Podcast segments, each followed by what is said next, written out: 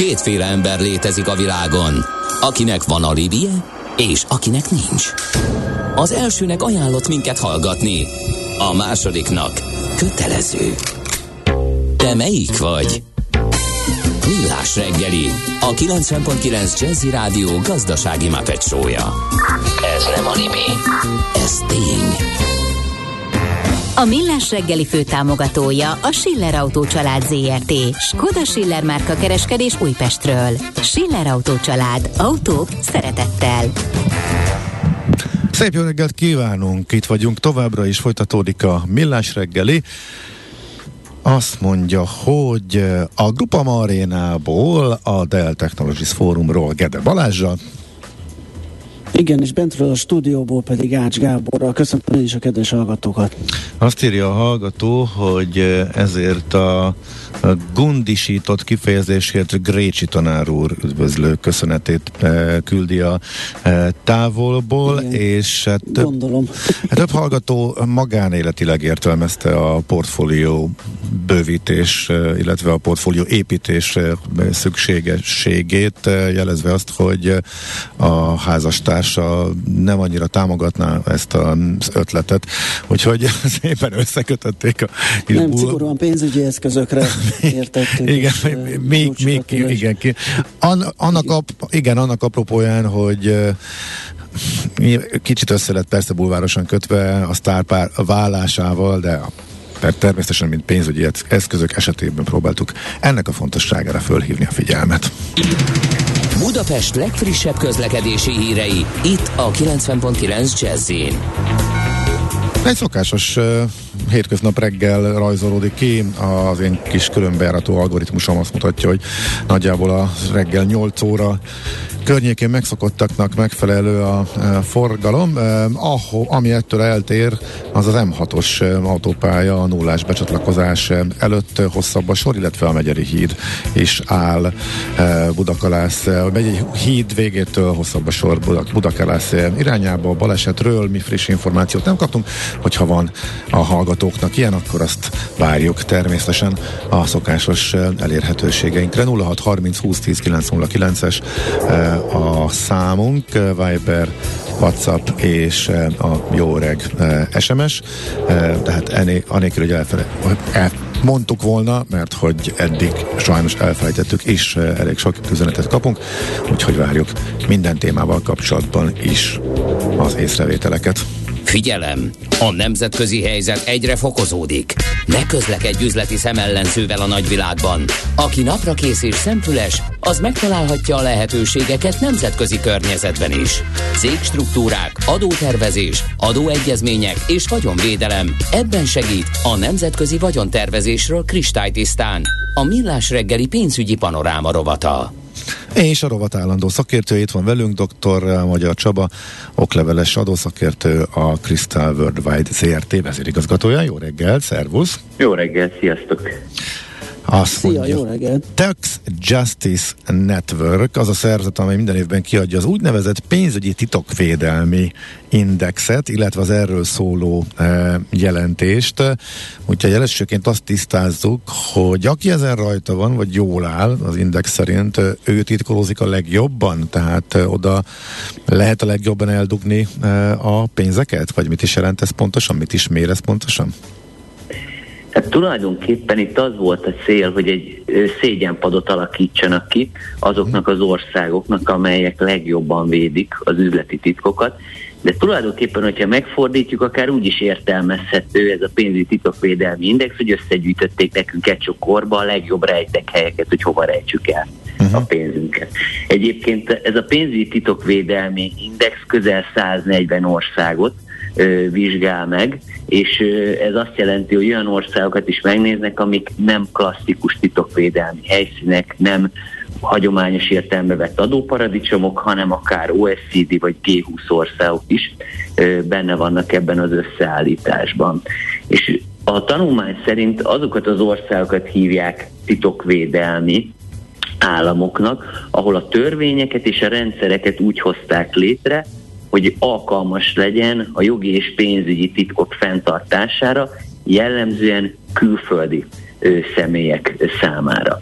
Egyébként az index az két fő szempontot vizsgál, az egyik egy minőségi mérőszám, amely arra vonatkozik, hogy megnézik az adott országban, hogy ez mennyire titkos, figyelembe veszik az ottani jogszabályokat, nyilvántartásokat megnézik, és ez alapján minél nagyobb ott a pontszám, annál inkább titkos az az ország. A másik szempont pedig egy mennyiségi súlyozás, ami arra vonatkozik, hogy az az érintett állam mekkora részt képvisel a titokvédelemben világszerte, tehát mennyi tőke áramlik oda, és mennyire védheti titok azt a tőkét, azt a külföldi tőkét, ami oda áramlik az országba. Tehát lehet, hogy az egyik országban sokkal jobban védik a titkot, de a gazdasági súlya nem annyira erős, míg egy másikban pedig pont fordítva áll fenn a helyzet, és akkor így alakult ki ez a pénzügyi titokvédelmi index. Ez a téma az elmúlt időszakban egyre inkább a középpontba került, mert hát adatszivárgások, komolyabb oknyomozói újságírói munka, kapcsán elsősorban azért kiderültek érdekességek a vagyonok eldugásáról, eltitkolásáról, és mintha megindult volna valami folyamat szabályozás, szigorúbb szabályozás szintjén is, de ez valóban így van-e, illetve hol tartunk ebben a folyamatban szerinted? Hát ami érdekes jelenet volt ebben a folyamatban, hogy épp a héten az Európai Unió Bírósága fogadott el egy döntést azzal kapcsolatban, hogy van a tényleges tulajdonosoknak a nyilvántartása, itt minden európai országban most már be kellett vezetni, és kimondták, hogy most már egy kicsit túltolták ezt a transzparenciát, és egy picit vissza kellene venni belőle, tehát eddig a pillanatig igazából minden ország abba az irányba ment, hogy egyre jobban teregessék ki, még a szennyest is, és akkor a nagy átláthatóság keretén belül mindenbe betekintésünk lesz. Viszont most már elértük azt a szintet, amikor elkezdtek olyan döntések is jönni, hogy egy picikét vegyünk vissza ebből a történetből. Hm. De egyébként, hogyha magát a tanulmány nézzük, és hogy azt ö, keressük, hogy milyen következtetéseket lehet levonni a tanulmányból, akkor az index szerint tulajdonképpen az 5G ország akadályozta legjobban az üzleti titkok elleni harcot. Itt nevesítették is, hogy az Egyesült Államok, az Egyesült Királyság, Japán, Németország és Olaszország, amely leginkább szerepet játszott ebben. A szervezetnek a vezérigazgatója kijelentette egy interjúban, hogy ez az öt ország önmagában több mint felére csökkentette a globális fejlődést, és ahelyett, hogy harcolna a pénzügyi titkok ellen, mégis úgy tűnik, hogy védte az utóbbi időszakban. De miért, Egyébként, miért teszik ezt például egy Németország? Hát ez nagyon érdekes, hogy ugye ha megnézzük konkrétan Németországot, és ugye itt a tanulmányban, ha megnézzük, akkor a világszinten a hetedik helyen szerepel titokvédelmi szempontból. Nem azért, mert azért nem azért, mert ott rejtik el legjobban a titkokat, de jó a titokvédelmi és a gazdasági súlya is nagyon meghatározó Németországoknak. Tehát van olyan ország, aki náluk jobban védi a titkokat, de például megállapították Németország esetében, hogy egyes adóügyekben például nem nyilvánosak a bírósági döntések, nem szeretnék ezeket megmutatni a közvéleménynek, ezen felül pedig gyengén szerepeltek az úgynevezett feltételes adó megállapítások területén is.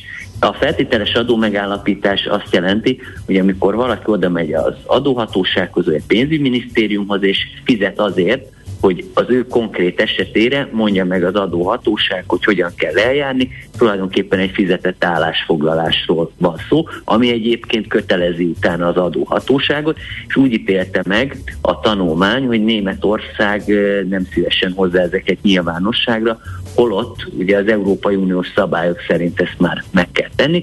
Ezen kívül pedig az ingatlan nyilvántartásban is nehezebben hozzáférhetőek az adatok Németországban, illetve van ez az úgynevezett tényleges tulajdonosi adatbázis, amit szintén hiányosnak találtak a felmérés során.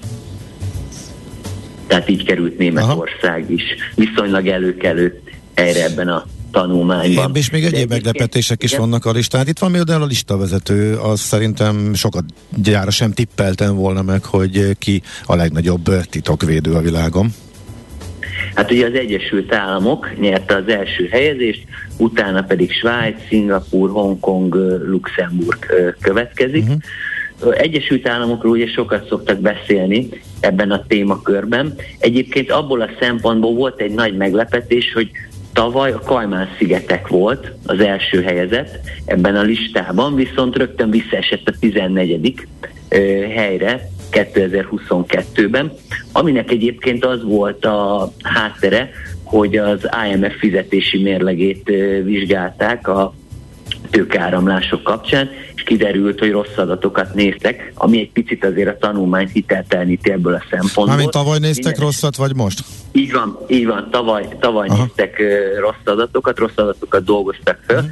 És tavaly ezért került az első helyre a Kajmán-szigetek, most az idei évben pedig emiatt a 14-re csúszott vissza, uh-huh. viszont ezáltal az Egyesült Államok az első helyre került, és hogy a tanulmány kiemeli, hogy az Egyesült Államok által biztosított pénzügyi titkok mértéke az index által valaha feljegyzett legnagyobb volt számszerűségében, és csak nem kétszer akkora, mint a második helyen álló Svájcé.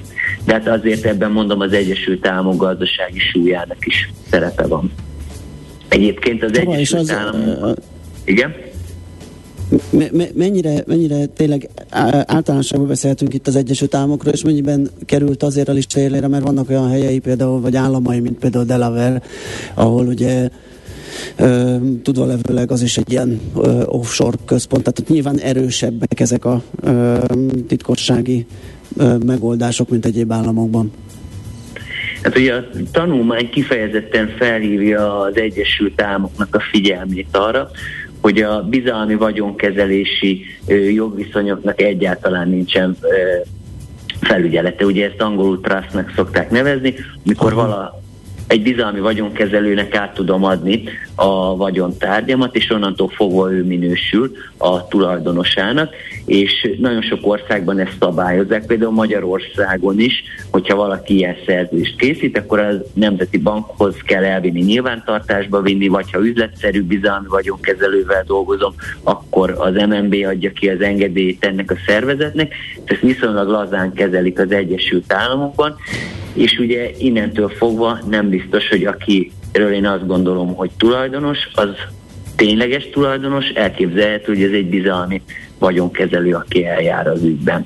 De hát ugye ez a bizalmi vagyonkezelés is olyan, mint a kalapács, hogy lehet vele embert is ölni, meg építkezni, de ugye, de ugye hogyha megfelelő garanciákat beépítik a rendszerbe, nem szokott ezzel probléma lenni, de az Egyesült Államoknál úgy látják, hogy túl lazán kezelik ezeket aha, a szabályokat. Erről egyébként pont tegnap volt szó a magyarországi eh, helyzetről, a bizalmi vagyonkezelés kapcsán a műsorban. Egyébként tényleg apropó Magyarország, eh, hol áll ezen a listán? Magyarország mert direkt megnéztem, és tavaly a 75 volt, viszont az idei évben a 76. helyezést kapta, tehát egyet még javítottunk, ez azt jelenti, hogy csökkent a pénzügyi titok szintje az országban a korábbiakhoz képest. Uh-huh. Akkor ez nagyjából az átlagos ezek szerint a mezőny közepén így van, nagyjából. Így van, tehát mondjuk úgy, hogy Magyarország esetében lehet mondani, hogy nincs itt semmi látnivaló, átlagos a helyzet. Aha, oké. Okay. Akkor igen, Japán és Németország, ami még furcsa. Németországot már említettük, de hogy Japán a hatodik helyen. Hm, hogy, hogy? Igen, ugye Japánnak is azért kiemelt szerepe volt a lista elkészítése során a tekintetben, hogy erőteljes gazdasággal rendelkezik, tehát nagy a tőkebeáramlás, viszont ami a titkokat illeti, kiemelték, hogy a cégek és az ingatlanok tulajdonosainak megismerhetősége miatt kaptak rossz pontszámot. Tehát alapvetően, hogyha valaki Japánban vásárol ingatlant, akkor kevésbé lehet ennek a tulajdonosát megismerni egyszerű módszerek keretein belül. Ezen felül pedig a cégek beszámolóinak az adatai is nehezen hozzáférhetőek Japánba, tehát az, amit te mondjuk a cég nyilvántartásban bármelyik cég esetében meg tudsz nézni, az Japánban nem egy annyira egyszerű feladat. Hozzáteszem, hogy azért vannak Európai Uniós országok is, ahol nem nyilvánosak a cégeknek a beszámolói, tehát elképzelhető, hogy a jövőben ezen is fognak majd változni adóztatni, sőt egyébként ugye, amit mindig pedzegetnek, az a nagy nemzetközi ingatlan nyilvántartás, vagy legalábbis Európai Uniós szinten is beszéltek már arról, hogy milyen jó lenne, hogy lenne egy egységes európai ingatlan nyilvántartás, de én így külső szemlőként úgy látom, hogy nem igazán fűződnek ehhez érdekek, hogy bárki meg tudja nézni, hogy a másik országban kinek milyen ingatlanja van. Egyelőre erre én túl nagy esélyt nem látok, hogy a közeljövőben ezt megvalósítsák Európában sem. Uh-huh, Oké. Okay. Ennek a szervezetnek vannak más indexei, más listái is vizsgálnak mást is, vagy esetleg ennek a titok indexnek alindexei? Igen, a pénzügyi titokvédelmi indexnek van egy testvére, az pedig a vállati adóparadicsomi adóparadicsom index névre hallgat, ez szintén a Tax Justice Network készíti el, és ez arra fókuszál, hogy megvizsgálja és rangsorolja azokat az adóparadicsomokat, amelyek a multinacionális vállalatok számára a legjobb helyszín biztosít bizottság. Egyébként ebből még a 22-es nem adták ki, tehát a 21-es tanulmányt lehet megvizsgálni. Itt tulajdonképpen azon országnak a rangsora, amelyek leginkább hozzájárulnak ahhoz, hogy a multi cégek alul legyenek adóztatva társasági adó szempontjából. Itt a Brit Virgin szigetek az első helyezett, de azt lehet mondani, hogy itt már előkelőbb helyszínen, vagy előkelőbb helyen található Magyarország is, ugyanis ebben a listában viszont a 24 vagyunk, és megelőztük az Egyesült Államokat, akik a 25. helyen találhatóak. És van átfedés az első tízben a két lista között? Van, van, van. Svájc, Luxemburg, Aha. Hongkong, Szingapúr, Egyesült a bemérségek itt is megjelennek. Tehát igazából, hogyha két listát összevetjük, a titokvédelmi indexet és a vállalati adóparadicsomi indexet, akkor abban az esetben azért látható, hogy van 6-7 olyan ország, ami nem csak titokvédelmi, hanem adózási szempontból is ö, nagyon jelentős szerepet játszik a világgazdaság működésében. Uh-huh, Oké. Okay. Hát Csaba, nagyon érdekes volt, nagyon szépen köszönjük ezt az összefoglalót is. További szép napot kívánunk, jó munkát neked! Nektek is, sziasztok! Szia, szia! Dr. Magyar Csaba okleveles adószakértő volt a vendégünk, aki egyébként a Crystal Worldwide ZRT vezérigazgatója.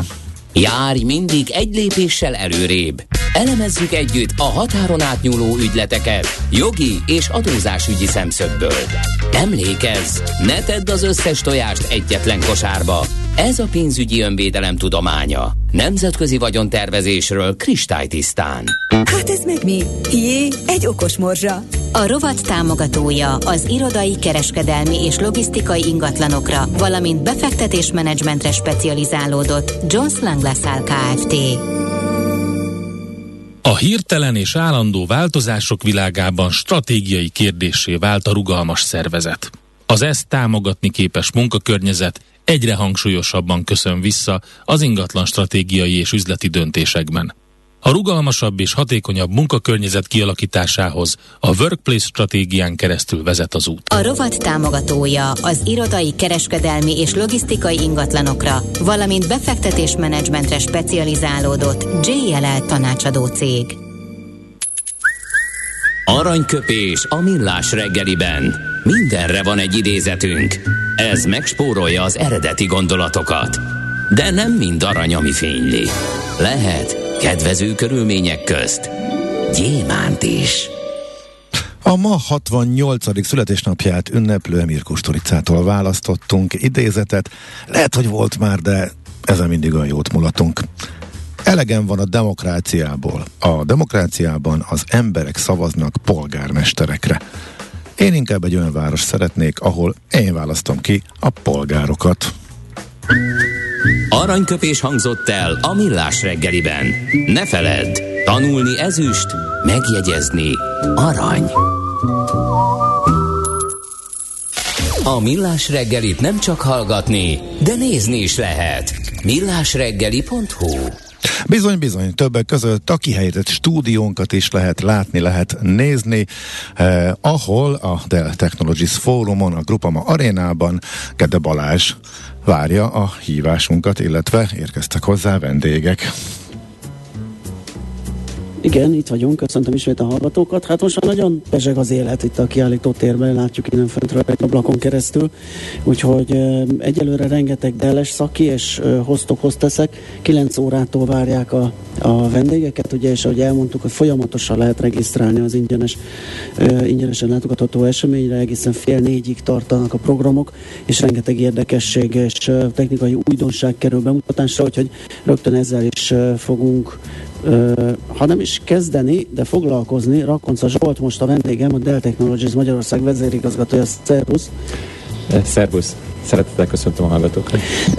Azért nem ezzel kezdünk. Én azzal kezdtem a bejelentkezést, hogy elmondtam, hogy ahogy, ha jól emlékszem, előttünk Londonban, velünk párhuzamosan Brüsszelbe, utánunk pedig Isztambulba kerül megrendezésre a Dell Technologies Forum, és itt fölmerült bennem a gondolat, hogy azt beszéljük meg, hogy hogy kerülnek ezek a városok kiválasztásra. Tehát, hogy pályáznak, vagy, vagy piaci részesedés alapján, vagy hogy működik ez, hogy hol, hol lesz ilyen rendezvény? Igen. Alapvetően ez a Dell Technologies Fórum, ez egy nemzetközi kezdeményezés. Minden olyan országban, ahol a Dell Technologies-nak saját lokális irodája van, megszervezésre kerül ez a Dell Technologies Fórum, pontosan azért, hogy egy olyan közösségi eseményt szervezünk, ahol mind az ügyfeleink, partnereink, disztribútoraink tudnak találkozni, beszélgetni az aktuális trendekről, és eh, azokról, hogy hogyan tudjuk jobbá tenni a világot az IT segítségével. Aha, na akkor ráfordulhatunk konkrétan itt a hazai budapesti helyszínre, a Grupama arénára, hogy itt e, mi történik, rengeteg installáció, rengeteg számítógép fut, e, láthatóan különböző programok, sőt különböző termékek, különböző e, e, hardverek és e, időnként ilyen kis e, helyszínek, mint például munkahelyi munkaállomás berendezve, ugye ilyen online meetingnek, ilyenek. Tehát összességében mit fog bemutatni itt a hazai de Technologies Forum? Igen, gyakorlatilag ezen, a, ezen az eseményen tényleg nagyon sok érdekes előadással, kiállítással, programokkal várjuk a, az érdeklődőket a, a nap folyamán. Gyakorlatilag akik látogat a Dell Technologies Fórumra, megismerhetik a, megismerhetik a partnereink, illetve a mi teljes körű informatikai megoldásainkat, az új laptopjainkat, innovatív szoftvereinket, biztonsági megoldásainkat. Így gyakorlatilag egy kiállító tér van, ahol, ahol különböző standoknál témakörökre fókuszálva szeretnénk bemutatni az aktuális, illetve jövő bemutató e, e, megoldásainkat. Gyakorlatilag a, a kiállítás mellett, ugye, ahogy említettem, lesznek plenáris előadások, illetve e, szekcióülések, ahol kifejezetten a szakértőinkkel e, lehet beszélgetni ezekről a, ezekről a javasolt technológiai megoldásokról. Ami, hogyha témaköröket emelnénk ki, akkor gyakorlatilag a multi-cloud stratégia, az Edge-hez kapcsolódó mesterséges intelligencia alapú döntés előkészítésekről, illetve a, a biztonsági megoldások lesznek igazándiból a fókuszban. Mm, próbáltuk mindenkinek adni valamit? Tehát mennyire, lesz, mennyire szakmaiak ezek a beszélgetések, előadások, mennyire szól a nagy közönségnek, akinek azért van valamiféle fogalma vagy affinitása az információtechnológiához? Amikor a programot összeállítottunk, szerettünk volna tényleg mindenki számára értékes információkat összegyűjteni, így lesznek kicsit mélyebb szakmai, de lesznek teljesen bárki számára, aki érdeklődik az informatikai érdekes előadások, de minden mellett egyébként az IT biztonsághoz kapcsolódóan egy szabaduló szobát is oh. próbálhatnak a résztvevők. Azt hogy? Ez alapvetően egy, egy VR szemüveg segítségével tudnak játszani a, a játékosok, és 10 percig áll rendelkezésre arra, hogy kijussanak ebből a virtuális szobából, de nem szeretnék igazán többet elárulni erről, jöjjenek el a kedves hallgatók, és próbálják ki. Gyakorlatilag egész nap lehet regisztrálni a, a, az eseményre, így aki kedvet érez, hogy kipróbálja akár a szabadulószobát az előadások mellett, akkor fél négyig bármikor eljöhet a, a Grupama e, arénába. Emellett, hogyha még ilyen, ilyen közönségcsalogató érdekességeket akarunk mondani, megemlíthetjük Szofiát is, hogy ő az első robot, hát ő egy, egy média sztár már, tehát e, rengeteg ilyen rendezvényen felbukkan, ő itt hogy fog megjelenni? Igen, uh, Sofia már tényleg egy médiasztár, ugye ő az első robot, aki, aki állampolgárságot is uh, uh, kapott, és hát kétségtelenül ő a legismertebb uh, humanoid robot. Uh, ezt egy hongkongi székhelyű cég, a Hanzon Robotics cég fejlesztette, és hát nem születésnek hívjuk, hanem a, az agyát és abban az államköröket gyakorlatilag 2016. február 14-én kapcsolták be, úgyhogy Valentin napon e, indult el a, a gondolkodása a hölgynek, e, és már tényleg egy igazi média szereplővé e, nőtte ki magát. Ő gyakorlatilag e, az eseményünk elején be fog jelentkezni, illetve később párszor szintén online e, e, részt fog venni az eseményen, illetve lesz alkalom egyébként arra is, hogy a, a résztvevők tudjanak beszélgetni magával a, a, a robottal. Igen, erről hirtelen eszembe jött a 3CPO, aki szintén nem az úrhoz fohászkodik, hanem a tervezőjéhez időnként, ugye hát ezek a robotok ilyenek. Um, jó, um, online fog bejelentkezni, ugye a Dell-nek is számos ilyen olyan megoldása van, ami, ami elősegíti ezeket az online kapcsolatokat, akár egy ilyen bejelentkezésnél, akár egy ilyen, egy ilyen kollaborációs megoldásként kollégák között. Így van, én azt gondolom, hogy az elmúlt két és fél évben mindannyian megtapasztalhattuk, hogy mennyi minden változott a világban, így a munkavégzés is. E, gyakorlatilag régen elképzelhetetlen volt, hogy kizárólag online e, bonyolítsunk üzleti kapcsolatokat, tanuljunk, vagy akár az orvosunkkal konzultáljuk. Igen, erre vonatkozóan a Dell-nek kifejezetten ilyen work from home megoldásai vannak, erre fókuszál is itt az egyik standunk, illetve ami még érdekes a technológia mellett, hogy az én előadásom például pont arról fog szólni, hogy a technológia változása mellett egyébként az emberekre hogyan hatott ez az elmúlt két ez és fél év, téma, hogy gyakorlatilag a fórum témája hogy, hogy hogyan tudtunk alkalmazkodni a, a változáshoz, és pont ennek kapcsán egyébként egy nagyon érdekesnek hangzó vendégünk is lesz, ugye Pál Feri atya, uh-huh. mentálhigiénés tanácsadó, aki, aki kifejezetten arról fog beszélni, hogy, hogy az emberek hogyan működnek ebben az új megváltozott környezetben, és hogyan tudnak igazándiból eredményesek és elégedettek lenni a belsőjükben, a mentálhigiénés egészségük tekintetében tekintetében a, a sok változás közepette. Uh-huh. Mit lehet még elmondani például a plenáris előadáson, mi mindent lehet majd hallani? Uh-huh. A plenáris előadáson több ügyfelünk fog előadni. Itt a MOL előadását emelném ki, hogyha időrendileg nézem.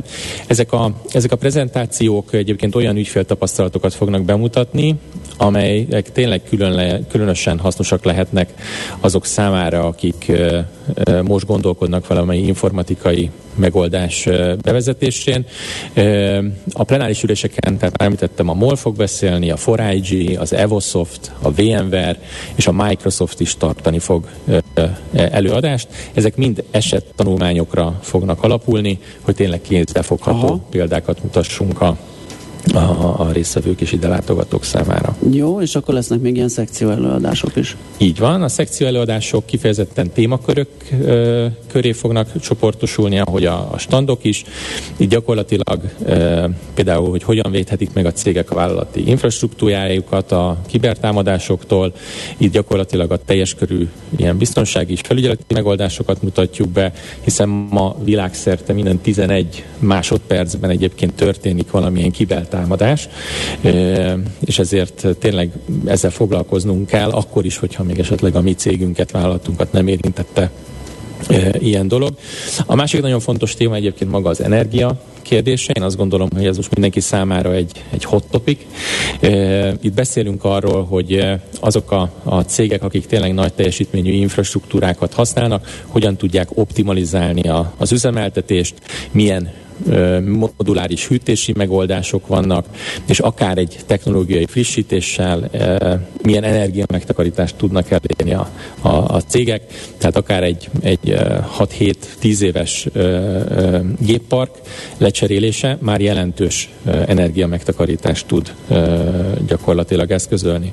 Ez Az... jó, hogy mondod, bocsánat, csak hogy egy kis promóciót adjak még a további beszélgetésekhez. 9 óra után majd ide várom két vendégünket, kollégáidat, Szilágyi Bélát és Horváth Kálmánt, a Dell Technology senior rendszermérnökeit, ők pont erről adnak majd ízelítőt az energiagazdálkodásról és hatékonyságról. Igen, nagyon sok kérdést kapunk egyébként mm. mostanában ezzel kapcsolatban, és azt látjuk, hogy, hogy vannak olyan cégek, akik akár egy ilyen technológiai frissítést egy, egy három éven belül gyakorlatilag visszafizetünk nekik azzal az energia megtakarítással, Aha. amit elérhetnek ezzel.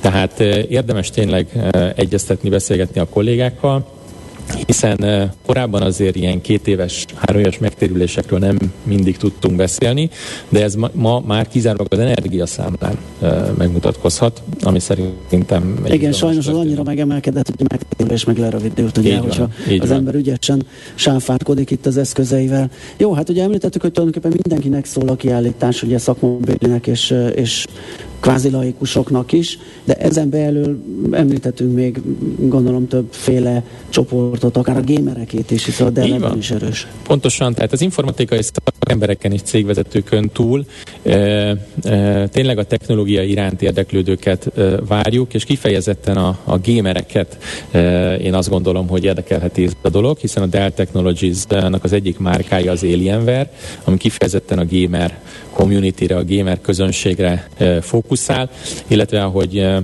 e, Molnár Levente kollégám a reggeli bejelentkezésében is említette, ugye 25 éve piacon van a Precision munkállomás termékcsaládunk, amely, amelynek itt ünnepeljük a, a, a születés napját, de ahogy beszéltünk, tényleg számos látványos bemutató játékok és nyereményekkel készülnek itt a kollégáim a mai napon.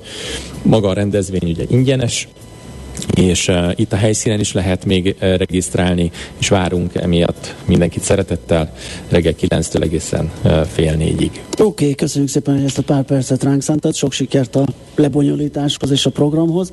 Rakonca Zsolt volt a vendégem, a Dell Technologies Magyarország vezérigazgatója. A műszer neked egy fal, a sebesség egy váltó, a garázs egy szentély. Zavar, ha valaki elbetűvel mondja a rükvercet. Mindent akarsz tudni az autóvilágából? Akkor neked való a millás reggeli autós rovata. Futómű. Autóipari hírek, eladások, új modellek, autós élet. Kressz. Most pedig természetesen Nevárkonyi Gábor autós szakértő szerepkörben ezúttal a telefonvonal túlsó végén. Szia, jó reggelt! Jó reggelt, sziasztok! Mit keres a Ford Törökországban? Hát kérlek szépen, a Ford Törökországban az egyik legsikeresebb Európai Unión kívüli joint venture programján keresztül több százer autót képes gyártani az Otoszánnal együtt. A, és a, azért milyen szánnal? A Gedeszánról már hallottam. Ja, oh, Otoszán, okay. Ő kicsodák, igen. Aha. török vállalat, és azért csaptam így egyből a közepébe, hogy kicsit felkeltsem mindenkinek a figyelmét, mert hogy egyfelől itt ugye nem egy hagyományos cégformáról beszélünk, amit mondjuk Európában vagy vagy akár az Egyesült Államokban megszokhattunk, hanem egy kicsit hasonlatosról ahhoz, amit mondjuk úgy Kínában látunk, tehát ez a vegyes vállalatformátum, ez, ez volt a bevett szokás az elmúlt évtizedekben, hogyha valaki a török piacon meghatározó akart lenni. És a török piac egyrészt egy eléggé ígéretes piac, hisz ország, tehát nagyon fiatal átlag életkorral rendelkező országról beszélünk, amely folyamatosan növekszik, és minden gazdasági nehézség, meg infláció, meg minden ellenére azért bőségesen lehet tervezni erre a dologra. Hát ti az részügyigérő gazdasági válság közepén azért a fölvet kérdéseket. Fölvet, nyilván mindig fölvet kérdéseket. Én beszélgettem itt a, a, a gyárnak a különböző igazgatóival, és érdekes módon nyilván az első kérdésem mindig az volt, hogy akkor ezzel hogy lehet valamit kezdeni, és hogy ez mennyire segít, vagy mennyire ront a helyzetükön. Nyilván az egyik oldalon segít, tehát profitabilitás szempontjából a 80% körüli infláció, hogyha exportra dolgozol nagy részt, akkor nem feltétlenül olyan rettenetesen rossz, hogyha tulajdonosi uh-huh. szemmel nézzük hogyha ugye a másik oldalon nézzük, hogy be is kell szerezni egy csomó mindent, akkor ahhoz, hogy gyártani tudja valamit, akkor nyilván egy másik kérdésről, vagy egy másik kérdéskört vett fel a dolog. De azt az érdekes választ kaptam, hogy nekik a, a magas infláció az egy, az egy évtizedek óta velük lévő ö, sajátosság a török gazdaságot nézve, és nem az az alapvető probléma, hogy nagy az infláció, hanem azzal a helyzettel nem nagyon tudnak mit kezdeni, mikor nem látják az infláció mértékét. Tehát, hogyha évekig 10% körül van, azaz relatíve alacsony a törökhöz képest, akkor be tudnak erre állni. Na, ha hát most pontosan, lesz, most pontosan ez a helyzet. Hát most inkább 80. Ez, elszállóban van, és senki nem látja a végét, igen. Igen. Egy, egy emberen módon, múlik.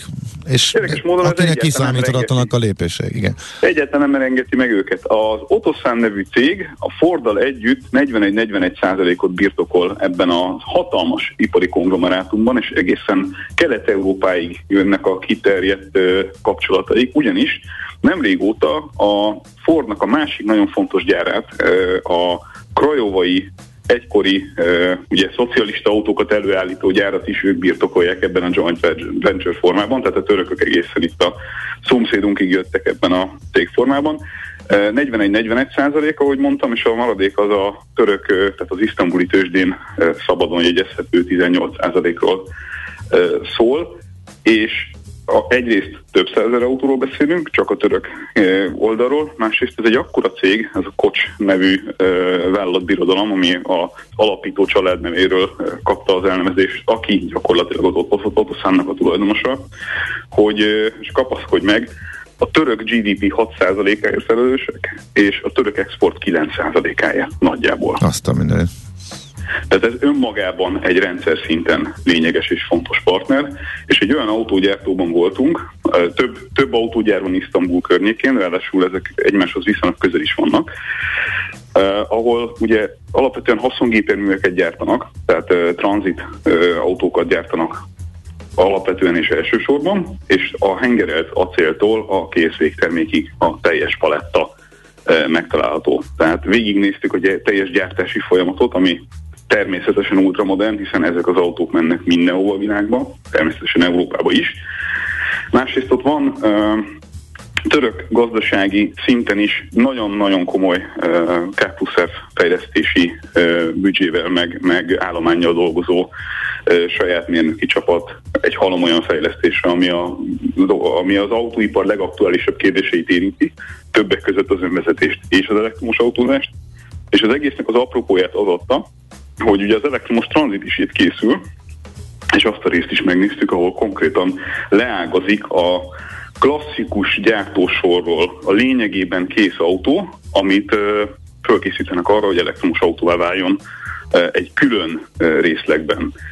És ez azért volt érdekes, mert ez egyelőre látszik, hogy darabszám eltolódás kapcsán fölvet ugye gyártás szervezési kérdéseket, mert ameddig a szemed ellát, rakják össze ezeket az egyébként elképesztően komplex modellpalettával rendelkező dolgokat, hiszen a, a tranzit ugye létezik többféle magassággal, rengetegféle tengelytávol, többféle felhasználási formával, első kerékkel, hátsó kerék meghajtással, mindenféle, minden összkerék meghajtással, minden létező formában gyakorlatilag.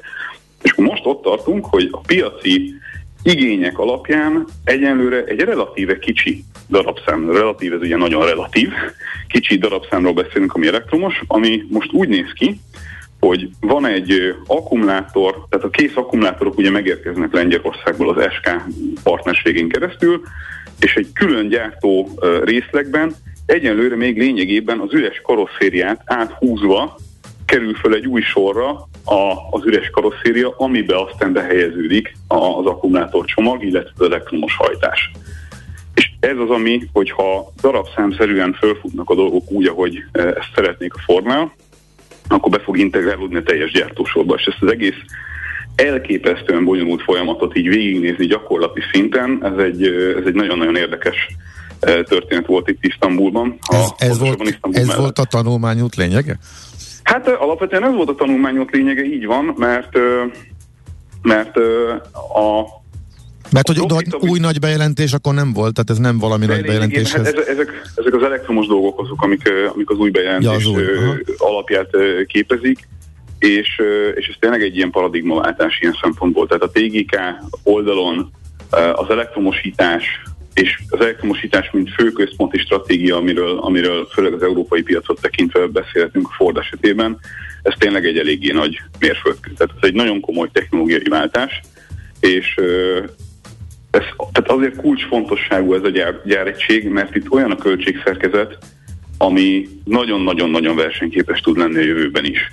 ami egy teljesen külön történet volt, és remélem, hogy nem fognak rám megharagudni a Fordnál, hogyha ezt még elmesélem, de, de engem nagyon érdekelt, hogy ugye politikai szinten uh, egy döntés, hogy Törökországnak saját elektromos autógyártóra van szüksége.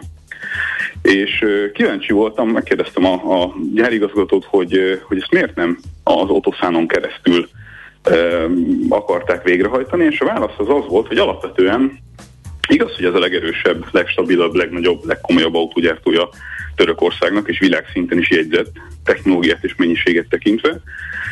De a saját számításaik szerint, és a török kormányzat számítása szerint is legalább másfél évtizedig kell dotálnia állami pénzből ezt a projektet a, a török államnak ahhoz, hogy az életképes legyen, és egész egyszerűen ez a vállalat azt mondta, hogy ők köszönjük szépen, megélnek a piacról, nem nagyon szeretnék kitenni magukat annak, hogy A a török kormányzat beszélje meg velük azt, hogy mit kell csinálniuk a saját pénzükön. B. Annak a politikai mm, nehézségnek, hogy adott esetben ez a rezsim ebben a formában mondjuk 15 évig nem marad fönn, és nem biztos, hogy, hogy ilyen értelemben végigmegy a projekt.